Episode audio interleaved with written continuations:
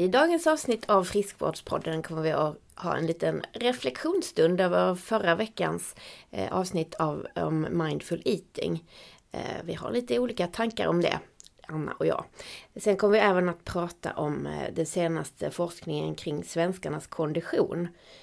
För ny, nya studier visar att ungefär hälften har så dålig kondition att det är en kraftigt ökad sjukdomsrisk. Och det påverkar ju såklart livskvaliteten och ekonomin också. Välkommen till Friskvårdspodden! Här får du kunskap och inspiration kring livsstilens betydelse och hur du med enkla knep kan hämta kraft i balanserade vanor kring mat, rörelse och återhämtning. Många är intresserade av att optimera sin hälsa utifrån ett helhetsperspektiv och vill samtidigt njuta av livet på ett hållbart sätt. Vi är nyfikna och ständigt på jakt efter ny kunskap. Via våra spännande gäster hittar vi nya intressanta vinklar på friskvård och hälsa. Friskvårdspodden är ett samarbete mellan Mersmak Kommunikation och YouGo Health Plan. Mersmak Kommunikation kan du anlita när ni behöver föreläsning eller workshop med spetskompetens inom mat och hälsa för en helhetssyn på den fysiska och mentala prestationen. Du kan läsa mer på mersmakkommunikation.se. YouGo Health Plan hjälper företag att bli mer lönsamma genom att satsa på medarbetarnas hälsa. Syftet är att fånga upp riskgrupper och arbeta proaktivt för att öka medarbetarnas livskvalitet, minska sjuktalen och skapa en attraktiv arbetsplats. Du kan läsa mer på yougohealthplan.com. Har du något tips på någon du tycker ska medverka i våran podd? Skicka ett mejl på hej. Nu till veckans avsnitt.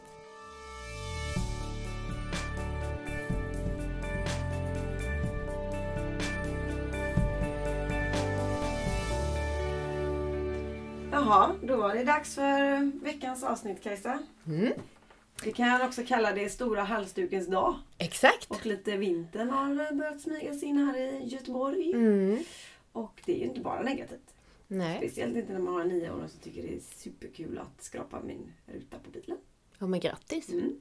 Och han går in för det med liv och lust. Ja, Medan jag wow. sitter där och... Du sitter och fikar lite. Nej. Men han, nej, men han gillar det. Han tycker det är jätte... Han är väldigt noggrann faktiskt. Ser man? Jag har ju en Vilken- sån liten bil också så då är det ganska lätt för honom att... Just det, han är lagom lång där. Han är lagom Mm. lång. Men du, har du haft det sen sist? Har du funderat någonting på det här med mindfulness vid matbordet? Ja, men jag har faktiskt funderat ganska mycket på det här och Mm. kommit på att ska vi verkligen ha en till reflektion? Alltså herregud. Men eh, det tror jag att det är jättebra med mindful eating om man har ett problem med mat. Jag hade en kompis faktiskt som var ute och sprang med vart hennes 13-åriga dotter sprang 13 kilometer tre gånger i veckan och, när hon, och nu hade ja, Lena då som mamma sa lite stoppat det och då hittade hon henne på studsmattan hoppandes i en och en halv timme. Så hon skulle nog behöva en liten mindful eating lektion. Men alltså det här spontana och lite gött. Och då menar inte jag gött. Alltså alltid när man säger gött så ska det vara bearnaisesås. Alltså det finns ju skitmycket grejer som är gött som man kan äta mycket av som inte är farligt och man inte Mm. behöver tänka. Så jag försöker nog tänka mer så i vardagen att jag gör goda grejer som är bra. Mm. Och då Absolut. behöver inte mina pojkar sitta och andas tre gånger innan. Och här, alltså, jag försökte ju på riktigt. De tänkte nu är du... Nu, nu, de tyckte nog att jag hade tappat alla tre faktiskt. Jag har inte ens försökt, ska jag faktiskt erkänna. Nej. Inte på någon annan än på mig själv i alla fall. Men eh, jag tänker på det ganska mycket, liksom hur, hur nöjd jag blir av en lunch till exempel. Om jag i undantagsfall så händer ju att man, särskilt när jag jobbar hemifrån, så händer det att jag liksom fortsätter att kolla på datorn fast jag äter lunch. Mm. Och då blir jag liksom inte nöjd på samma sätt. Nej. Så det är nog ganska så tydligt hos mig i alla fall att måltiden gör ett mycket större liksom, intryck och avtryck i mig om jag äter den med liksom, om jag inte gör en massa annat samtidigt. Jag tänkte faktiskt på det också, just lunchen som du är inne på nu. Vi sitter ju här på ett eh, ja, coworking, som det låter här i Hovås. Och eh, när vi äter lunch, det är ju lite arbetsrelaterat, men det är ju inte så att vi går in i detalj på min budget eller din. Utan här sitter vi och pratar kanske att någon har gjort oftast positivt sitter man väl och pratar om när man pratar med andra. För det är ju inte så kul att prata att det snart går i konkurs kanske. Eh, och man eh, pratar eh, lite byter erfarenheter eller pratar om... Alltså det blir inte så... Eh, vad ska man säga? Så här, det behöver inte komma fram till något slutligt, eh, slutgiltigt resultat. Eller jag behöver inte säga de smartaste sakerna för att det ska gynna en affär. Eh, Så jag tänkte faktiskt på det att nej, våra luncher är nog ganska sköna och avslappnade för man är bara sig själv och kanske hämtar in lite energi av de andra. Eller, Absolut. och eh, vi är ju ganska trevliga här. Så Mm. vi är också här, du jag har en idé, en Mm. kund. Eller, så det är oftast positiva möten. Mm. Och det tänker jag kanske om man är på ett företag där man är varje dag och går varje dag. Och så kanske man sitter. Ja, man kanske ska välja vem man ska sitta bredvid. Man kanske inte Mm. ska sitta bredvid han eh, som man alltid, eller man vet att nu ska han snacka budget varje lunch. Mm. Kanske man ska byta stol. Liksom. Eller jag hade ju bytt stol för länge sedan. Men, eh, men det var någon grej som slog mig. Att vi har något ganska trevligt här på lunchen så jag har inte behövt tänka så mycket på det. Nej men det är ju också, alltså jag tänker att om man skulle hårdra mindful eating, liksom att man ska sitta och bara fokusera på sin egen tallrik. Då förlorar man ju hela den här måltidens sociala funktioner också. Mm. Eh, Men att, att sitta bredvid någon, om man tänker sig att man är på samma arbetsplats jämt och man sitter bredvid någon som bara liksom analyserar kanske sin egen tallrik och alla andras. Liksom, äter du kolhydrater? Det är fy liksom. Att det, alltså, det kan ju bli väldigt negativa samtal också.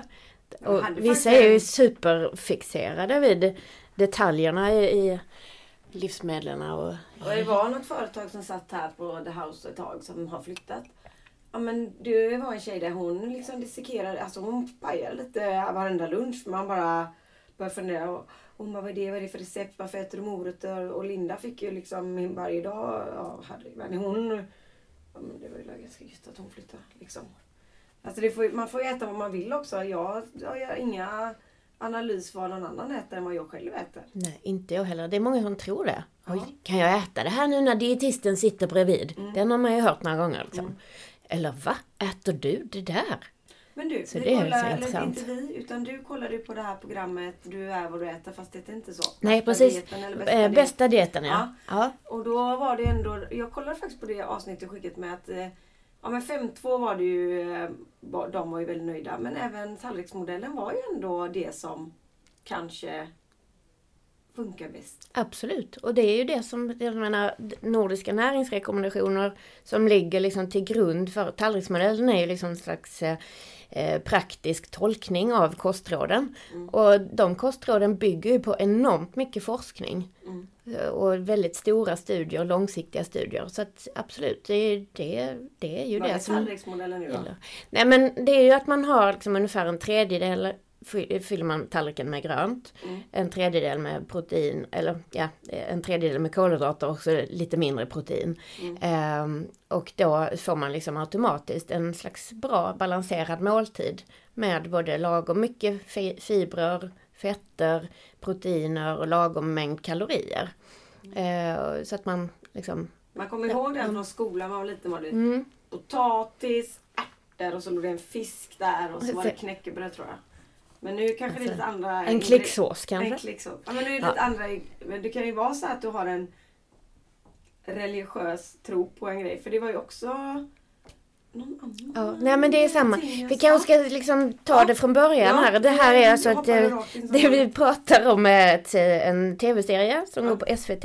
Eller den är nog slut nu men det ligger ju på Play under ett tag till i alla fall. Eh, som heter Bästa dieten.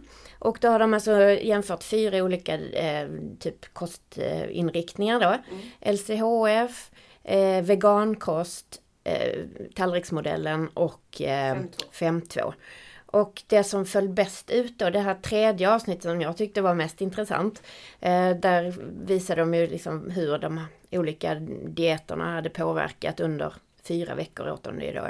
Hur det hade påverkat blodfetter, vikt, kroppssammansättning.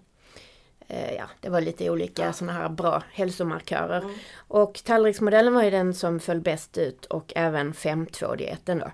Och 5.2 är ju när man liksom äter väldigt lite två dagar i veckan och typ som vanligt säger man ju under fem dagar i veckan. Men då är det ju superviktigt att de fem dagarna faktiskt också ger den mängden näring och proteiner och så som man behöver för att kroppen ska må bra. Mm. Det blir ju Ja, många tror ju att man kan liksom äta precis vad som helst under de fem dagarna men då blir det ju ännu mer noga att man faktiskt får i sig bra mat också. Mm. Inte, det handlar inte om att äta semlor och prinsesstårta de fem dagarna. Liksom. Nej, men det... Så. Men det var väldigt intressant tycker jag att även eh, den här tjejen som skulle äta tallriksmodellen, att hon hade gått upp i muskelmassa. Mm. Det var ju superintressant. typ. Ja, hon åt väldigt mycket snabbmat och Ja. eh, godis och läsk och sådär. Men hon var ju nästan underviktig innan. Ja. Så hon gått upp lite i vikt och det var bara muskelmassa. Mm. Så det var ju lite som att hennes kropp faktiskt behövde mer av den bra Ja, maten. faktiskt.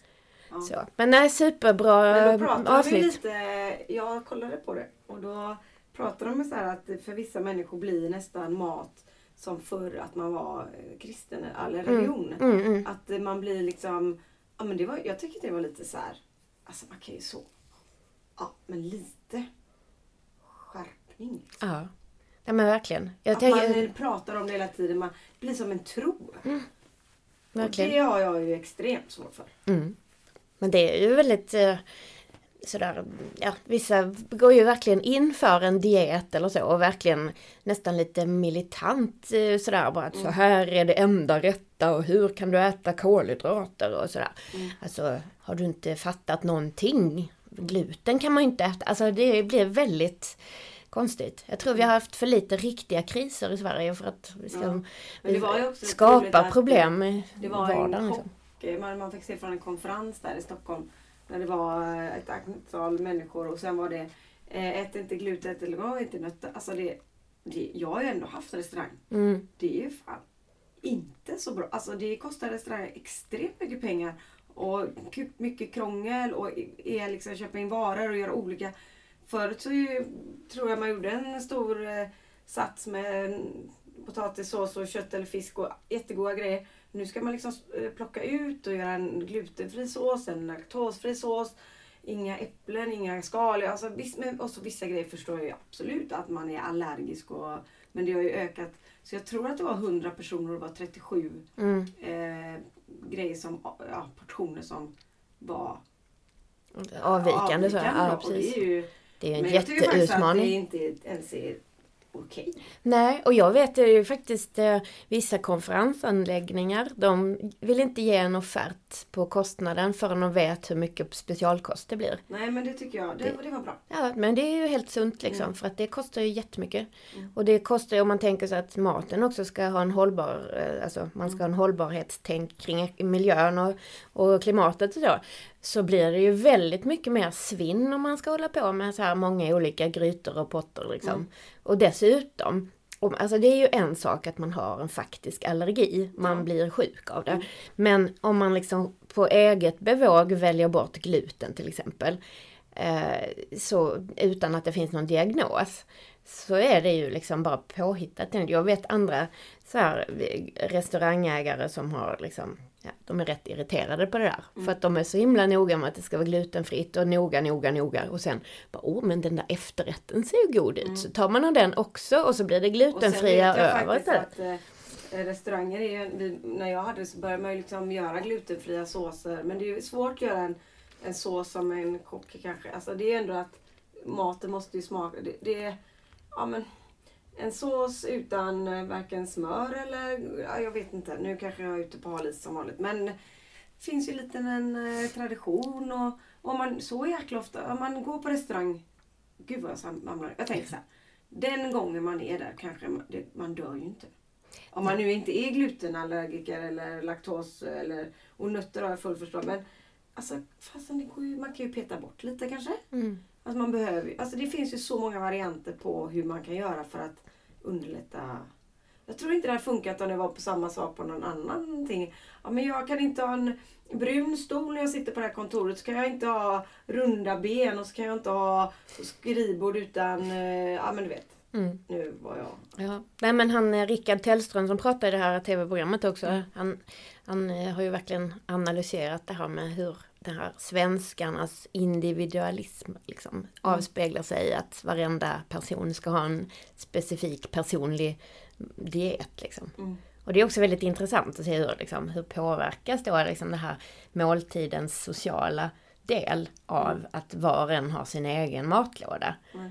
För det blir ju inte en gemenskap på samma sätt. Nej. Det är lite intressant. Mm, nej, mm. men det var ju en grej som ja. vi har reflekterat över. Och mat är ju så himla stort och det är väldigt mycket på tapeten och man ska ju, man är ju en, faktiskt en nästan dålig person om man kommer med en ostsås med pasta och skulle sätta sig någonstans. Och det kanske är inte allt. Jag, människor som tränar jättemycket och vet vad man ska Man ska väl äta så man gynnar det man ska göra sen. Ingen vet ju vad jag ska göra sen. Nu gillar inte jag ostsås men om jag, om jag vet att jag ska springa två mil ikväll så är det ju jäkligt dumt om jag petar med lite Ja. Nej, men det är faktiskt ganska vanligt att man inte får ut den funktion eller den, eh, jag ska säga, att man inte får ut maximalt av sin träning för att man äter för lite. Mm.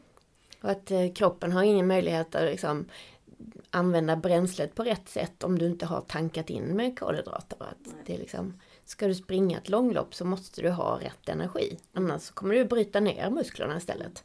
Och skaderisken ökar och du kommer inte tycka att det är särskilt kul heller för att hjärnan är ju också beroende av att det finns liksom bra energi. Mm. För man vet ju också att när man har ätit för lite och tränat och ja, jag erkänner, jag är först att räcka upp alltså då blir det att jag blir sugen på sött. Mm. Jag märker ju det med en gång. Då vill man ju ha liksom lite choklad eller sega gubbar eller och det slinker liksom ner vad som helst då när man men på tal om eh, träning så är det ju ändå det här som stod i vet inte, stod det Idrottsforskning var det nog som kom ut med det först. Men att det är väldigt många andra som har skrivit om det också. Ja, och då hade jag här eh, jag är ju så generation peppar också. Mm. Och då stod det ju på deras, eh, jag läste det ändå, men det stod, de hade skrivit bra. En ny studie gjord av Gymnastik och idrottshögskolan i Stockholm visar alarmerande resultat på folk, om folkhälsan. Närmare hälften av 350 000 undersökta svenskar har så dålig kondition att sjukdomsrisken ökar. Men det är inte den organiserade, det är organiserade idrotten som minskar. Det är vardagsmotionen, till exempel att promenera och ta trapporna. Något som har större betydelse för vår hälsa än vad många tror. Mm. Man kan läsa hela artikeln i, på Generation Pepp på deras Instagram. Eller mm. Och jag kan också kan länka till det i, jag länkar till det där när jag skriver om detta avsnittet tänker jag. Mm. Eh, men det är ju faktiskt eh, otroligt viktigt. Det, det är ju lite så här, känns så himla eh, husmorsgymnastikaktigt att liksom, ja men ta trapporna istället för hissen och ta en extra varv runt på kontoret istället för att vänta på att alla papporna ska vara utskrivna. Så gå till skrivaren lite oftare, gå och hämta kaffe, gå ärenden, kanske gå ut med kontorshunden och sådana. Så att man får igång liksom så att inte kroppen helt somnar in och blir som en slags våt fläck liksom. Det är viktigt att Fast påminna. Jag tycker absolut inte att det är husmorsgymnastik. Jag tycker Nej, det är liksom det är ju inte det. Mm. Jag tänker mer för att eh, det har ju varit så himla mycket nu och när man läser om ohälsotalen eller psykisk ohälsa som är, kostar 62 miljarder 2017. Och det har mm. ökat med eh, från ja, nu är det 45 procent från 28 på bara två år. Mm. Så känns det ju som att det här kostar ju inte bara samhället, eh, den enskilda företaget, utan jag tänker också den enskilda människan, individen, alltså som inte, om man inte förstår själv att man måste göra det, att det inte finns någon vi jobbar jättemycket med det. Det borde vara fanns en lag på att man ska promenera. Mm. Eller att man underlättar på kontoret. Man kan ställa, vi var på ett ställe nu, de eh, var en kille som jobbade på Chalmers. De hade ju kaffemaskinen på nedersta våningen. Så varje gång man skulle gå och ta en kaffe så var man tvungen. Och han sa det ger ju också en social, eh, man går och pratar med folk. Och det tar kanske några minuter extra att gå ner och hämta kaffe. Det var, jag vet inte, jag sa det förra programmet, det var några tjejer i Norge vi samarbetar med. De ställer papperskorgarna. Man får inte ha dem under skrivbordet utan de ställer man på ett ställe som man måste gå och slänga. Mm. Och det är ju liksom sådana grejer som man tänker så det gör ingen nytta. Men det gör ju jättemycket. Mm, och det här jäkla vi kör till gymmet och vi, alltså det är, mm. nej, bort. Mm. Usch. Ja, verkligen. Nej, vi har också faktiskt kaffemaskinen på nedersta våningen på mm. mitt kontorshotell. Det är ju jättebra för det. Då blir man ju inte bara pigg av kaffet, då blir man ju pigg av den lilla spurten mm. i trappan också. Mm. Jag tänker också Men- på barn då. då man har de, många barn idrottar ju i ja, organiserade fotbollslag. Men om man ställer sig och tittar så är jag har ändå varit tränare väldigt mycket för pojkar. Och det är ju inte alla som är svettiga när man går från träningen. Nej. Det är ganska få som springer hela tiden och eh, kämpar. Många är ju där för de är där. Mm. Så då kanske det är jättebra att de är där i sociala sammanhang och det är jättekul. Jag menar absolut inte att de ska sluta. Men jag tror att vi föräldrar måste cykla med dem till träningarna. Man måste, ja, så som jag sagt med Nalla, att han cyklar till skolan. Nu är det lite kallt men att man ja, gör aktiviteter tillsammans som eh, och det är ju bra för en själv också. Mm. Promenera, handla, alltså de här grejerna vi Absolut. har pratat om förut. Jag tänker att faktiskt det, det är lite så här slående hur dåliga de faktiskt är. Ursäkta mig alla föräldrar. Men eh, jag är ju tränare för 12-åringar i handboll och jag är den som står för fysen. Nu kallas jag inte bara kost-Kajsa längre utan nu är jag även combat-Kajsa. Ehm, och kör lite tabata med dem. Mm. Alltså det är inte många som kan göra en vanlig armhävning.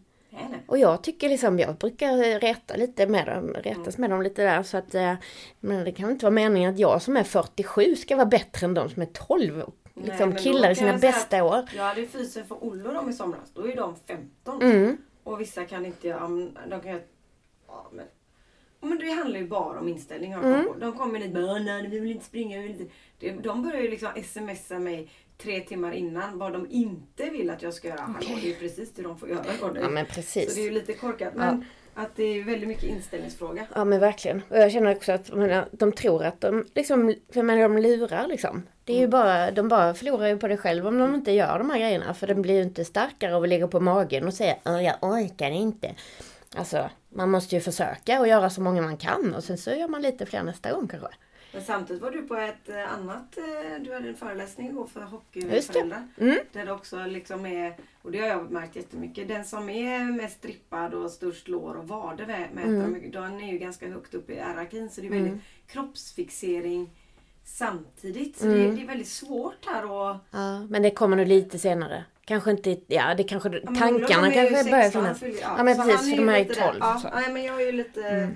Jag är ju äldre barn. Exakt. Men ja, absolut. Och det, det är ju ganska förfärligt tycker jag. De, de eh, tittar på de här bilderna på sociala medier. Kanske det är liksom reklam för eh, olika proteinshakes och allt vad det är. De är totalt liksom deffade och jättemycket muskler. Mm. Men eh, det, det krävs ju rätt bra gener för att man ska vara där när man är 16 liksom. Mm. Absolut. Ja, Och mycket, mycket hårt arbete också ska man säga. Ja, jag tror det är väldigt mycket arbete Ehm. och lite tur kanske. Mm. Och sen för, för de här föräldrarna, de pratar ju om det att det är ju vissa som kanske, i alla fall i perioder då, liksom bara vill äta protein. Och man är till och med rädd för att äta kolhydrater fast man tränar kanske åtta eller tio gånger i veckan.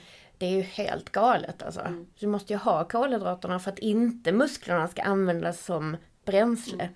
Och du, om du inte har laddat ordentligt så bryter du ju bara ner dig. Men det var faktiskt Så- igår, Olle och de spelade DM i innebandy. Då spelade de fem matcher i Mm. söndags.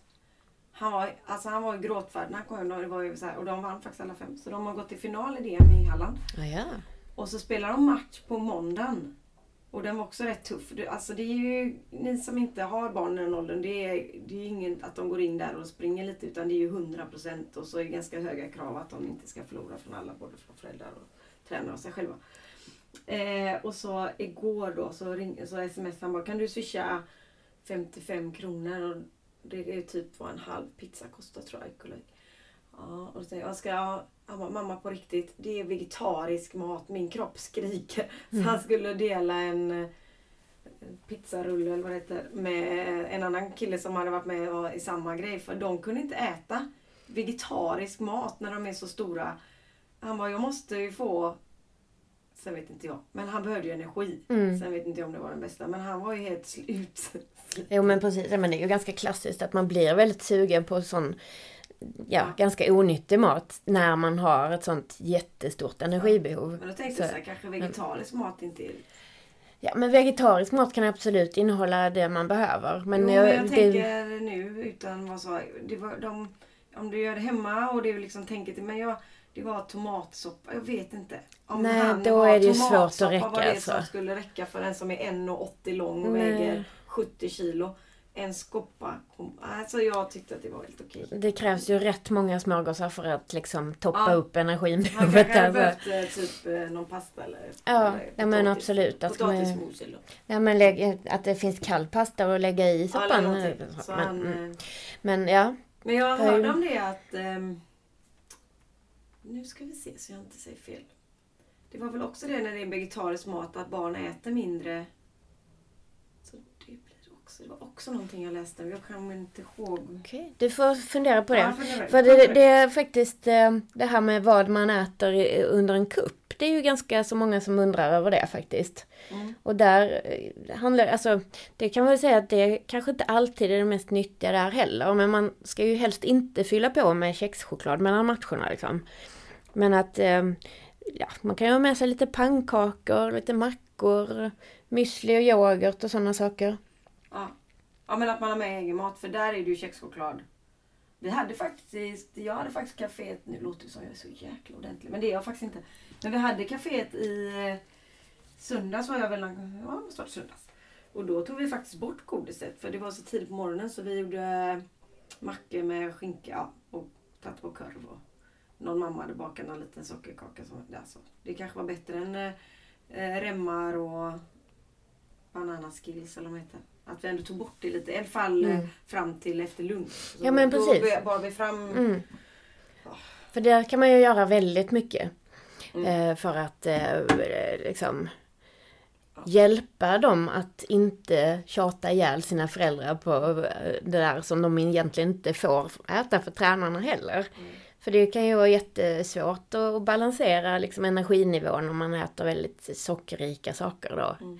Eh, särskilt innan matcherna och så. Eh, men eh, det gäller ju att liksom ha lite sånt som är ganska så energitätt. Alltså det är mycket energi i liksom en ganska liten mängd. Men att, så att det inte tar så mycket plats i magen. För att man, ska, man vill ju inte få håll heller men man vill fylla på lite kontinuerligt så. Så att, eh, att göra egna bars eller chokladbollar tycker jag funkar väldigt bra. Inte, jag tycker de är goda. Mina barn har inte liksom riktigt kommit dit än. Men om man tänker att man vill göra sådana saker själv. Så är ju mitt tips att byta, alltså för många av de recepten innehåller nötter av något slag. Eh, nötter eller mandlar och så. Och då kan man gärna byta ut det mot pumpafrön eller solrosfrön. För det innehåller ungefär samma saker och smakar nästan, ja, ungefär samma. Men det är ju nötfritt då. Och nötter får man ju oftast inte ha då på i idrottssammanhang då. Nej, det är bara jag som lyckas köpa en pekankaka. Oh, ja. Och det är lite konstigt, jag som ändå har hängt i idrottshallen sedan jag var bebis. Men eh, ja, jag fick... eh, Ja, det hände något i hjärnan. Men Ja. den åkte i papperskorg. Ja men eh, yoghurt med müsli eller mm, bra mackor. Kokta ägg är ju superbra med sig också. Ja, Så. men att man förbereder lite. Oftast har ju i alla fall Nalle som är så liten ju inte världens längsta upp, liksom, samling. Olle de har ju längre men då kan man ju ge dem bra mat hemma så de står sig den timmen. Det är, Mm. det är inte att, men eh, på tal om det förresten, vi, Nalle är ju också med i eh, judo. Mm. Det är en ny sport. Och han har varit med på en tävling. Och då kom vi dit och då ska ju barnen vägas in. Och så tänkte jag, Erik eh, och Viktor var med också, och så tänkte jag, varför har alla kylväskor med sig? Och de hade så mycket mat. Och vi förstod ju, då äter man ju inte förrän efter invägningen. Nej. Och man vet inte när det var dags.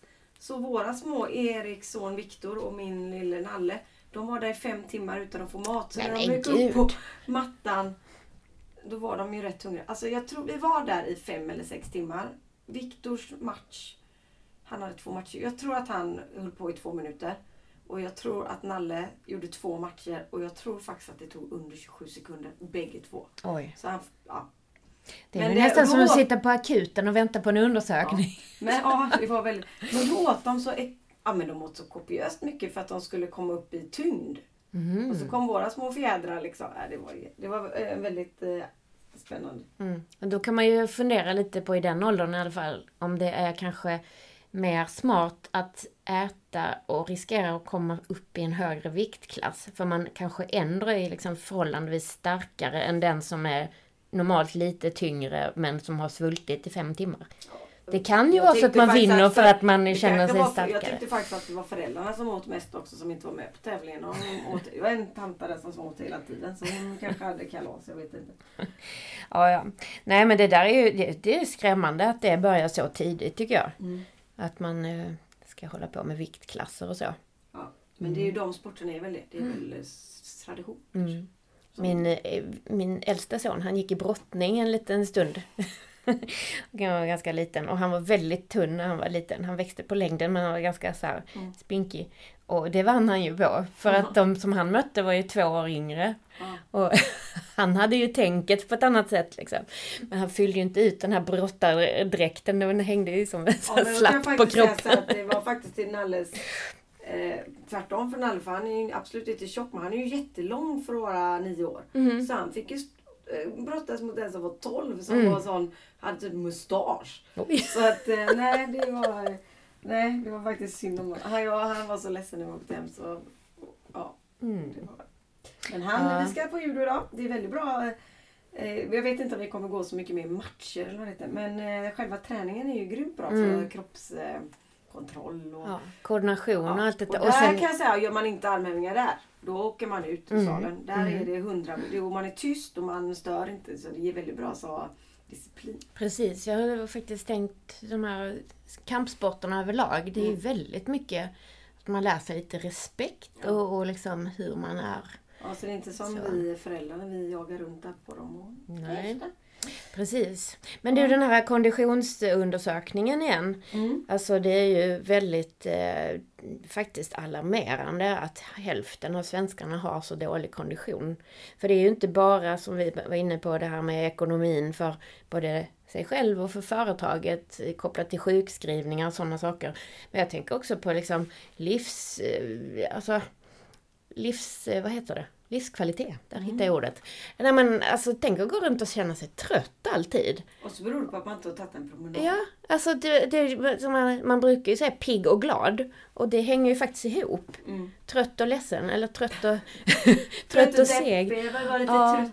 Nej men att man eh, faktiskt, eh, det påverkar ju humöret jättemycket. Och vilken energi man har när man ger sig in i nya utmaningar och sådär. Mm. Nej, men jag tänker ju kanske att det är så här att ehm, ja, nu råkar det ju vara att vi har kommit på den här är jag och Linda och det går ju ganska bra. Men att det är så att uppenbarligen behöver ju folk hjälp eh, med alla delarna. Din del mat, Mm, våran del, men vi har ju alla delar var men det som var grunden till vårt företag var att vi funderar på varför folk, eller jag funderar väldigt mycket på varför folk inte är gladare. mm, Och jag som ändå har slitit som en galning när jag haft restaurangerna har Mm. ju oftast varit ganska glad. Mm, Men jag har också haft väldigt god kondition. Så det började där och sen har det liksom, man har fått lära sig av olika mat och mentalt och rörelse och motion kallar vi det också för att inte säga träning. mm. Så det är ju det vi pratar om hela tiden och vi vill ju verkligen att de i riskgrupp. Först bara tänkte vi att de där uppe är det gröna friska, de ska vi göra ännu friskare. Men det blir man ju inte heller.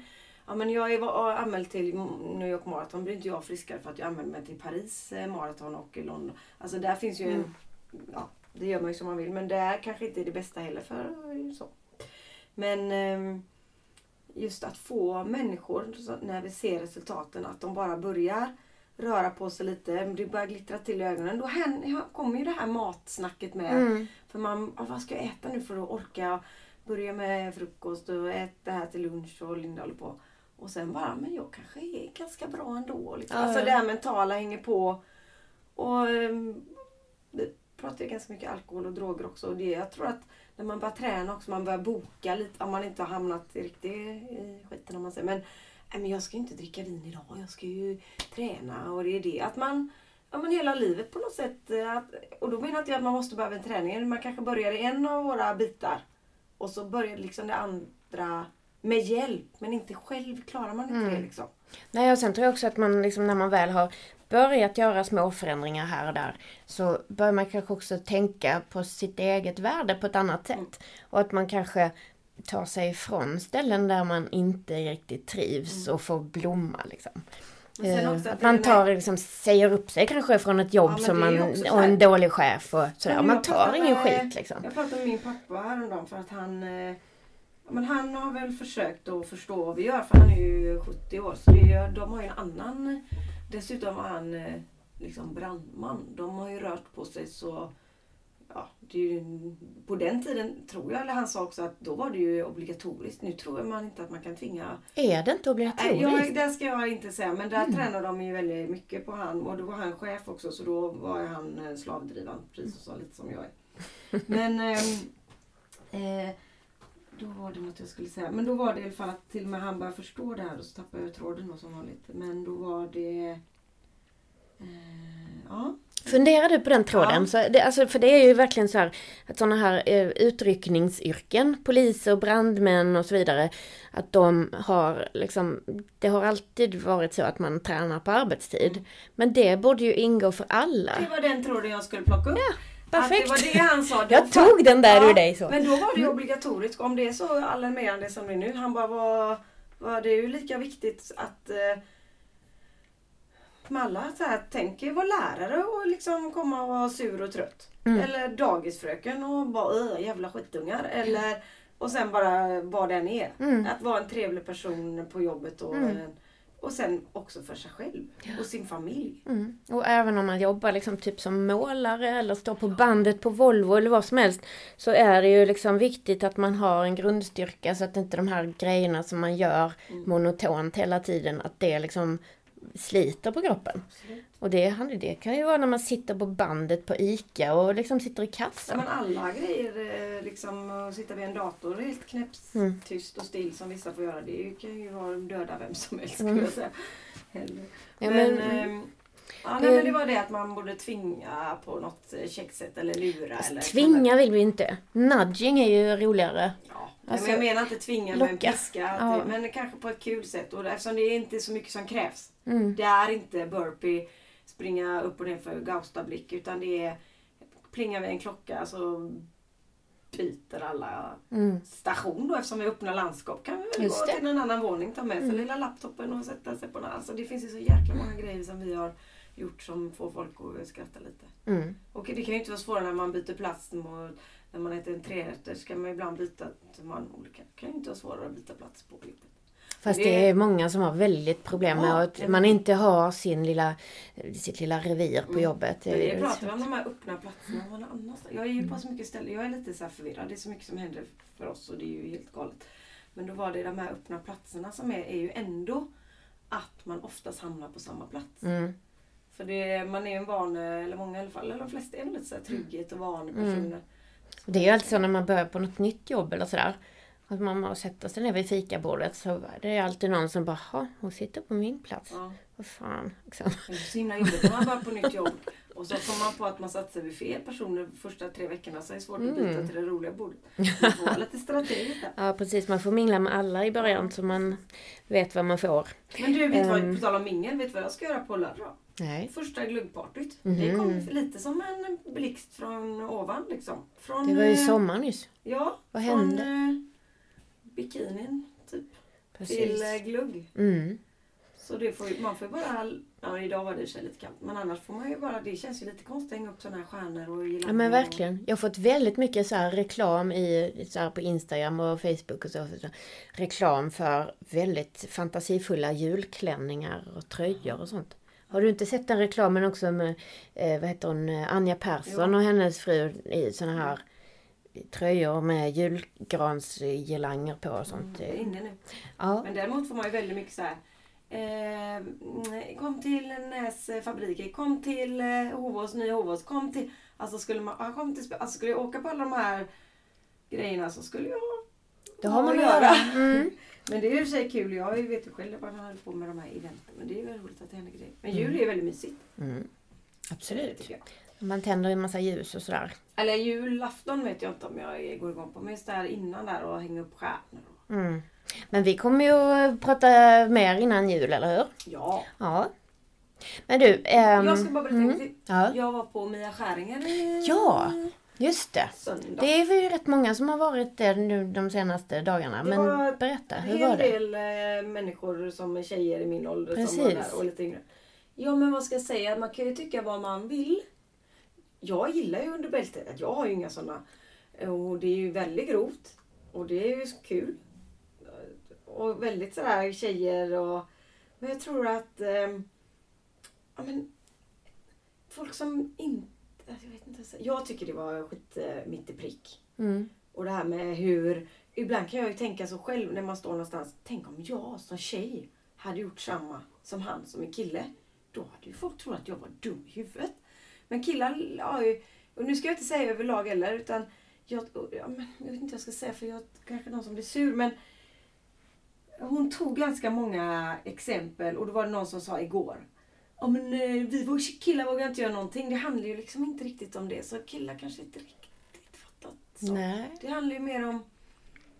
Ja, men hon tog ett eh, så här med Mikael Persbrandt som... Ah, jag knarkar och dricker och ligger med kärringar. Om hon hade knarkat och druckit och legat med Felix Herngren och hela det. Kanske inte hon hade varit med. Så, alltså det är väldigt så här... Hon tog det ytterligheter. Mm. Men ändå... Man tänker på det ibland. Och jag fick ju liksom tona ner det här lite igår. Så sa jag så här, men det kanske är de som är lite äldre än det som är problemet med det. Var ju internationella mansdagen häromdagen. Ja, igår. Var det igår? Nej, förrgår va? Ja, jag vet inte. Måndags tror jag. Ja. Eh, Men... eh, Och det är ju en dag då för att eh, uppmärksamma orättvisor som då drabbar män. Men då läste jag någonstans det här med det, det blir inte så mycket väsen av den dagen för det måste ju de fixa själva. Ja, och då blir det inget. Då blir det inget firande. Nej. Nej. Det var ju väldigt tyst ändå. Ja, precis. Men vi var faktiskt också, det är ju lite anknytning till Mia Skäringer för hon gör ju en podd tillsammans med Anna Mannheimer. Och jag var på en föreställning med Anna Mannheimers man i lördags. Han är ju helt bananas. Peter Appelgren. Och det Oj. hette ju Improvising. Och alltså, för jag har varit på en föreställning, jag tror den hette Kids kanske, med Anna och Peter. Det var så sjukt roligt, jag hade ont i magen alltså. Så där som man skrattar så man nästan inte hinner andas. Men alltså den här föreställningen i lördags, det var så här bara, eh, det snart eller? Och man, alltså, jag fnissade till kanske två gånger på 90 minuter. Det var nog sex olika sällskap som jag såg reste sig och gick under föreställningen. Så det Att var ju lite så här, en gång och det var verkligen att jag skrattade från när Ja. han började till han slutade. Och för att han var så. Det bara eskalera Mm. och han kom liksom inte ur det på något sätt. Så blev bara, han bara blev värre och värre. Och, Precis, men jag tror kanske han hade en dålig dag eller så krävs det faktiskt att man är ganska välrepeterad för att vara så Ja. vältajmad och super, liksom, för det är ju ganska så liksom subtila saker och det är ganska så här, ja, det är ju en hårfin gräns mellan att man gapskrattar eller bara sitter Mm. äh, åt liksom. Men jag skrattade, Så. jag med min kompis Johanna och vi skrattade faktiskt på Mia Skäringer. Och sen Mm. är det som sagt eh, väldigt grovt men då, man, ja, det finns säkert Oj, förlåt, folk som har åsikter om det men ah, Ja, jag tar det. Ja. Jag tar det som en eh, man eller på Ja, säga. Nej, men, jag det är- kan ju också vara lite sådär att det måste också vara väldigt vältajmat och man kanske Alltså hade hon börjat med sånt supergrovt skämt så hade man ju liksom bara oj shit liksom. Vad är det här för nivå? Men om man liksom bygger upp det så att det... Fast jag vet inte om någon hon slags- inte började med det. Hon gick nog då ganska bra. Men det beror ju liksom på hur man säger så. Och Ja. hon gör det ju... Sen, ja men jag kan förstå att vissa kan tycka att äh, ni tjejer... Men man får ju se det lite med glimten i ögat. Det är ju inte det att vi tjejer springer runt och vill att alla ska vara lika. Utan det är väl mer det här att vi ska också på något sätt kunna få bete oss och säga. Och det är inte okej att jag skulle gå runt här på kontoret och eh, nypa gubbarna i rumpan lika väl som tvärtom. Mm, Så mm. att det är ju, jag har ändå jobbat på krogen så länge och det är väldigt ja, säkert hänt att killarna har fått nyp i rumpan. Men det var nog betydligt oftare vi tjejer fick eh, både erbjudanden och händer lite där. Och det är Mm. väldigt sånt där. Och det tror jag i och för sig är lite på väg bort. Dels är servitrisyrket mycket mer lite, ja, de som jobbar är nog coolare. Eller så här, Mm. och gubbarna som sitter där som är våra killar. Så jag tror inte att, alltså de har blivit lite mer uppfostrade tror jag. Ja, Tror jag. Nej, men jag, Jag tror inte man är vågad riktigt som Nej. kvinna och det är väl bara bra. Ja, ja. Sen var det någon som sa att poliser är, mår jättedåligt för de inte vågar prata med tjejer och så. Jag, ingen, jag Mm. vet inte. Jag får prata med en polis kanske. ja. Vi har ju fått lite, vi har ju en liten film med två poliser som gör burpees och såna Mm. hoppande armhävningar är i samband med en så här ut, en övning utomhus. De stod och frös lite. Ja. Och de blev jätteglada att vi liksom visade den filmen på Instagram. Gjorde vi Så, det? ja. Det gjorde vi. Ja, de var så åh tack så mycket och så. Ja. Ja. det är rätt coolt faktiskt. Ja. Det, är, ja, det är roligt. Men, Men, ehm, ehm, jag tänker att eh, vi ska ju snart byta om. just För det är det, ju träning här idag. just det. Och ehm, sen ska jag och Linda iväg på något spännande. Mm, Som vanligt just nu. Det ska väl du med antagligen hoppas jag. absolut. Ja. Mycket spännande Ja, grejer som händer. Ja, nej, men det där får vi höra mer om någon gång. Ja, det kommer ni få göra. Ja. Men eh, ja, så vi kanske får avrunda. Det här var ju ett sånt där flumprogram igen. Mm. Men jag tänker ibland så måste vi liksom bara reflektera lite över vad vi pratade om förra gången. Men en grej Så- som vi pratade om förra gången det är att man ska vara eh, inte så spontan. Mm, fast jag tror inte det var så det var menat. Nej. Utan att, att eh, liksom... Va? Ja, på tal om spontan i alla fall så anmälde jag mig till sju mil och bestiga Gaustablick veckan efter midsommar. Det är på tre dagar. Men den Mm. var spontan. Så på något sätt är det ändå kul när man är spontan. Precis. Eh. Ja, men jag, jag älskar spontanitet helt, helt och hållet. Men om man liksom både eh, ofta låter bli att känna efter hur det känns i kroppen. Mm. och Bara eh, liksom Mm. agerar på impuls och, och yttre känsla. Ja, och ja, det känns ju lite eh, jobbigt ord, självkontroll, Ja, tycker jag. Men för att om man både är väldigt spontan med vad man äter och inte har någon ordning på det och dessutom inte känner efter i kroppen och dessutom inte är spontan med sin träning. Då blir det ju lätt lite för mycket in och för lite ut kan man säga den här ekonomin, kaloribalansen. Ja, men, eh, Men, jag är ju rädd jag- för ordning och reda. Då, Ja, då låser det sig för mig. Så man kan ha olika... Precis. Ju mer det är liksom uppe och uh, ju mer energi får man och ju mer det är så här då blir jag... Ja. Ja, så det bara olika. Ja men det var väldigt intressant att höra din bild och liksom, ja ibland äter jag frukost, ibland eh, blir det ingen middag för jag har inte tränat så jag är inte hungrig. Nej. Jag är precis tvärtom. Frukost, lunch och middag, det äter jag varje dag.